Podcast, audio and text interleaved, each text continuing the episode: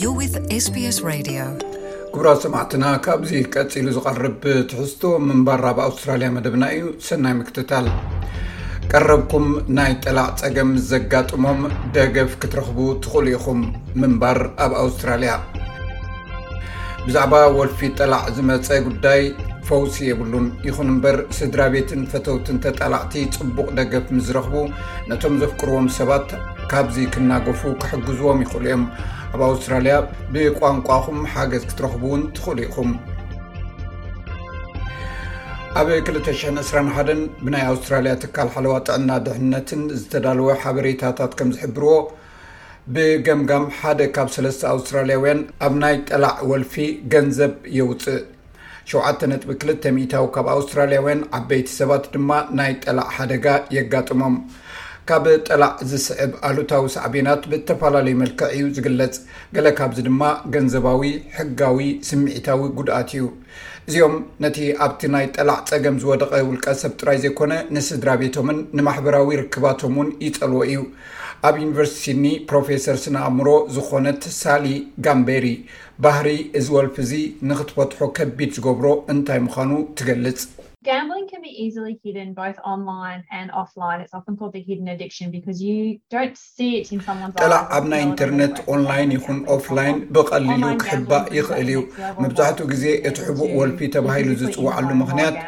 ኣብ ቅድሚ ካልእ ሰብ ስለ ዘይትሪኦ ወይ ናይ ጠላዕ ጸገም እንተ ኣልዎ ብትንፋሶም ስለ ዘይትሽትቶ እዩ።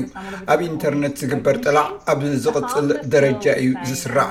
ጠላዕ ኣብ ሞባይል፣ ቴሌፎን፣ እናገበርካ ኣብ ቤትካ ብኣካል ክትህሉ ትኽእል ኢኻ። ስለዚ ንዝተፈላለዩ ሰባት ይስሕብ እዩ፣ ብፍላይ ኣብ ኢንተርነት ዝግበር እንተኾይኑ።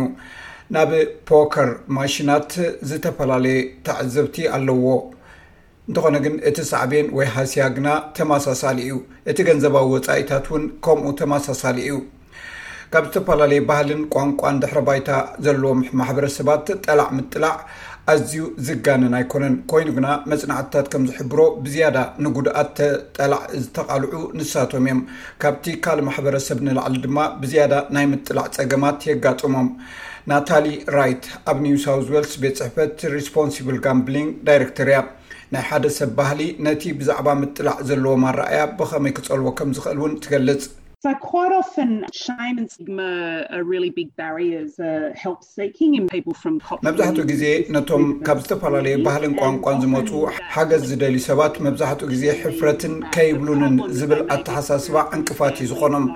መብዛሕትኡ ግዜ ድማ እዚ ሓባራዊ ባህሊ እቲ ጠላዕ ከጋጥሞም ዝኽእል ጸገም እቶም ውልቀሰባት ጥራይ ዘይኮነስ ነቶም ስድራቤታት እውን ዘንጸባርቕ እዩ። እቲ ካልእ ጉዳይ ድማ ኣብ ብዙሓት ማሕበረሰባት ዘሎ መማኸርቲ ናይ ብሓቂ ወጻእተኛን ምዕራባዊ ኣምር ዘለዎን እዩ። ስለዚ ሰባት ኣብ ውሽጢ ስድራቤቶም ንነገራት ክዕቅቡ እዮም ዝመርጹ። ኣደም ናይ ዓረብ መበቆል ዘለዎ ነባሪ ምዕራብ ሲድኒ እዩ። ካብ ክልተ ሽሕን ዓሰርተ ኣርባዕተን ኣትሒዙ ካብ ጸገም ጠላዕ ተጋላጊሉ ኣሎ። መንነቱ ንምሕላው ስሙን ድምጹን ተቐይሩ እዩ። ብሓፈሽኡ ኣብ ባህሊ ማእከላይ ምብራቕ ምኽርን ሓገዝን ምድላይን ወልፊ ብዘየገድስ ኣይሕሰብን እዩ። ንዓይ ግና ካብ ቀረባ ስድራቤተይ ሓገዝ ክረክብ ኣብ ዝደልየሉ እዋን ኣዝዮም እዮም ደጊፎምኒ። ናይ ርሑቕ ኣዝማደይ ግን ገለ ሓገዝ ዝደሊ ዘይኮንኩስ ጸገም ከም ዘለኒ ገይሮም እዮም ዝጥምቱኒ ነይሮም። ፕሮፌሰር ጋምበሪ ኣብቲ ኣብ ዩኒቨርሲቲ ሲድኒ ዝርከብ ማእከል ሕክምናን ምርምርን ምጥላዕ ዳይሬክተር እያ። እቲ ክንክን ወይ መስርሕ ምሕዋይ ኪንዮ ጸገም እቲ ዝጣላዕ ወልቀ ሰባት ዒላማ ካብ ምግባር ሓሊፉ ኣዝዩ ወሳኒ ምዃኑ እያ ትገልጽ። ሓደ መዳይ ምስቲ ውልቀ ሰብ ብዛዕባ ምጥላዕን ከም ሜላ ጌርካ ናይ ገዛእ ርእሶም ምርዳእ ንኸመሓድሩ ምዕያይ ክኸውን ከሎ እቲ ኣብ ከባቢኦም ዘሎ ዳይናሚካዊ ኩነታት እውን ምርኣይ ኣዝዩ ኣድላይ እዩ። ካብዚ ንምግልጋል ደገፍ ኣለዎም ዶ? ነቲ ናይ ምጥላዕ ጸገም ገሊጾሞ ድዮም? እቲ ናይ ምጥላዕ ጸገሞም ንኻልኦት ዓቢ ጽልዋ ይገብረሎም ድዩ? ነዚ ሃዋህው እዚ ብምልዋጥ ብኸመይ ኣሳልጦ ከም ዝረኽቡ ክንገብር ንኽእልዶ? ፕሮፌሰር ጋምበሪ፣ ብዙሓት ሰባት ወግዓዊ ዝዀነ ናይ ደገፍ ኣማራጺታት ከም ዘይመርጹ እያ እትገልጽ። ሰባት ንጠላዕ ክገድፉ ብኸመይ ደገፍ ከም ዝረኽቡ ኣብ ዝግበር ኣገባብ ብዙሕ ፍልልይ ኣሎ፣ ብዙሓት ሰባት ድማ ዘይወግዓዊ ደገፍ እዮም ዝደልዩ። ስለዚ እዚ በዓል ሙያ ጥዕና ይኹን ኣብ ውሽጢ ማሕበረሰብ ከም መራሕቲ ማሕበረሰብ ወይ መራሕቲ ሃይማኖት ወይ እውን ኣብ ውሽጢ ስድራ ቤቶም ደገፍ ዝገብሩ እዮም እዚ ብግቡእ እንተተዋሂቡ ብሓቂ ሓጋዚ ክኸውን ይኽእል እዩ ኣዝማድ ወይ ፈተውቲ ናይ ምጥላዕ ፀገም ዘለዎም እውን ይፀልዎም እዩ ንባዕሎም እውን ደገፍ ይደልዮም They are often experiencing financial harm associated with gambling. መብዛሕትኡ ግዜ ምስ ምጥላዕ ዝተተሓሓዘ ቁጠባዊ ጉድኣት የጋጥሞም እዩ። ኣብቲ ርክባቶም ውጥረት ከጋጥሞም ይኽእል፣ ኣሉታዊ ሳዕቤን እውን የስዕበሎም። ስለዚ እዞም ሰባት እዚኦም ነቲ ዝስምዖም መጠን ጭንቀትን ጸቕጥን ምእንቲ ክቆጻጸርዎ ደገፍ የድልዮም። ብዘይካዚ እቲ ሰብ ጠላዕ ከቋርጽ ይጽዕር እንተልዩ ብዘየገድስ፣ ርእሶም ክድግፉ ኣለዎም። ከምኡውን ንኣብ ጸገም ዘሎ ሰብ ክሕግዙ ወይ ከኣ ክድግፉ ንዝፍትኑ ንገዛእ ርእሶም ደገፍ ክረኽቡ ጠቓሚ እዩ። ንኣብነት ኣብ ናይ ኣደም ኩነታት እንተርኢና ሓደ ኣባል ስድራ ቤቱ ናይ ምኽሪ ሓገዝ ሓቲቱ ንኹሎም ድማ ጠቓሚ ነይሩ።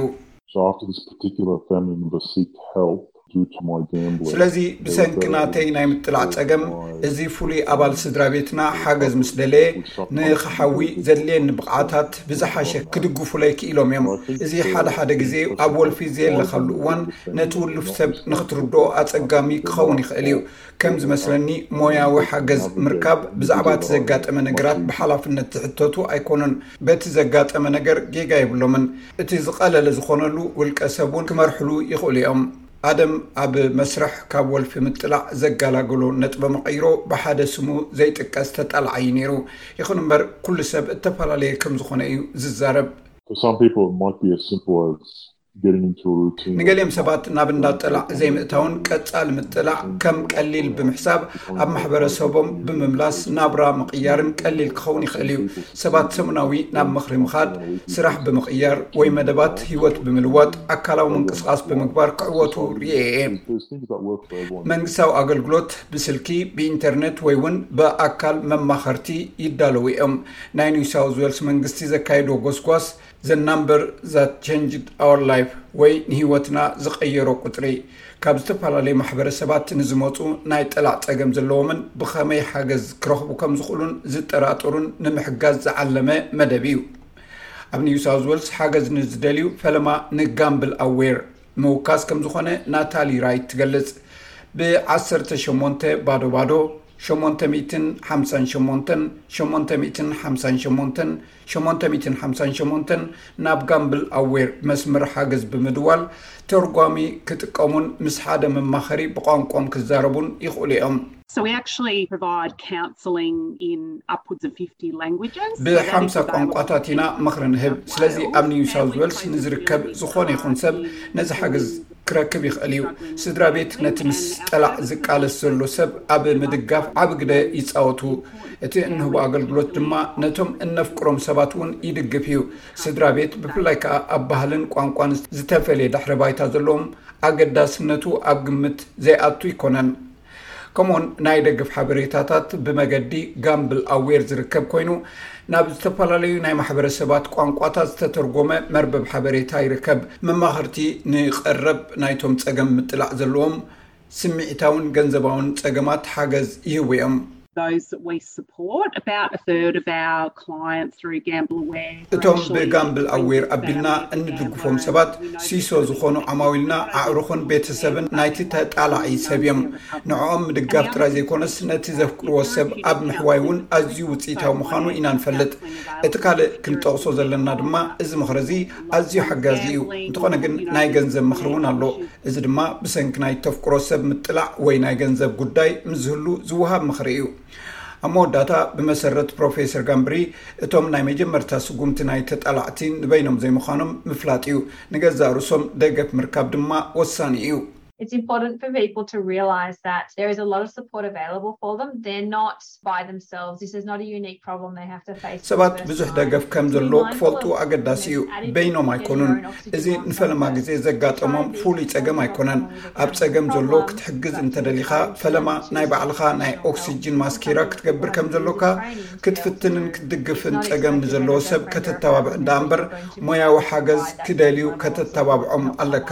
እዚ ሰባት ንዓመታት ዝኣክል ዝሰልጠኑሉ፣ ከም ዓርኪ ወይ ኣባል ስድራቤት መጠን ንሓደ ሰብ ንምሕጋዝ ከምዚ ዓይነት ደገፍ ክትህብ ትጽቢት ኣይግበረልካን እዩ። ሰማዕትና እዚ ክሰምዖ ዝጽናሕኩም ሰሙናዊ መደብና ምንባር ኣብ ኣውስትራልያ እዩ ብዛዕባ ኣብ ናይ ጠላዕ ጸገም ዝወደቑ ከመይ ጌርና ንሕግዞም ወይ ሓገዝ ከመይ ይረኽቡ ዝብል እዩ ነይሩ እዚ ሬድዮ ስፔስ ብቋንቋ ትግርኛ ዝፍኖ መደብ እዩ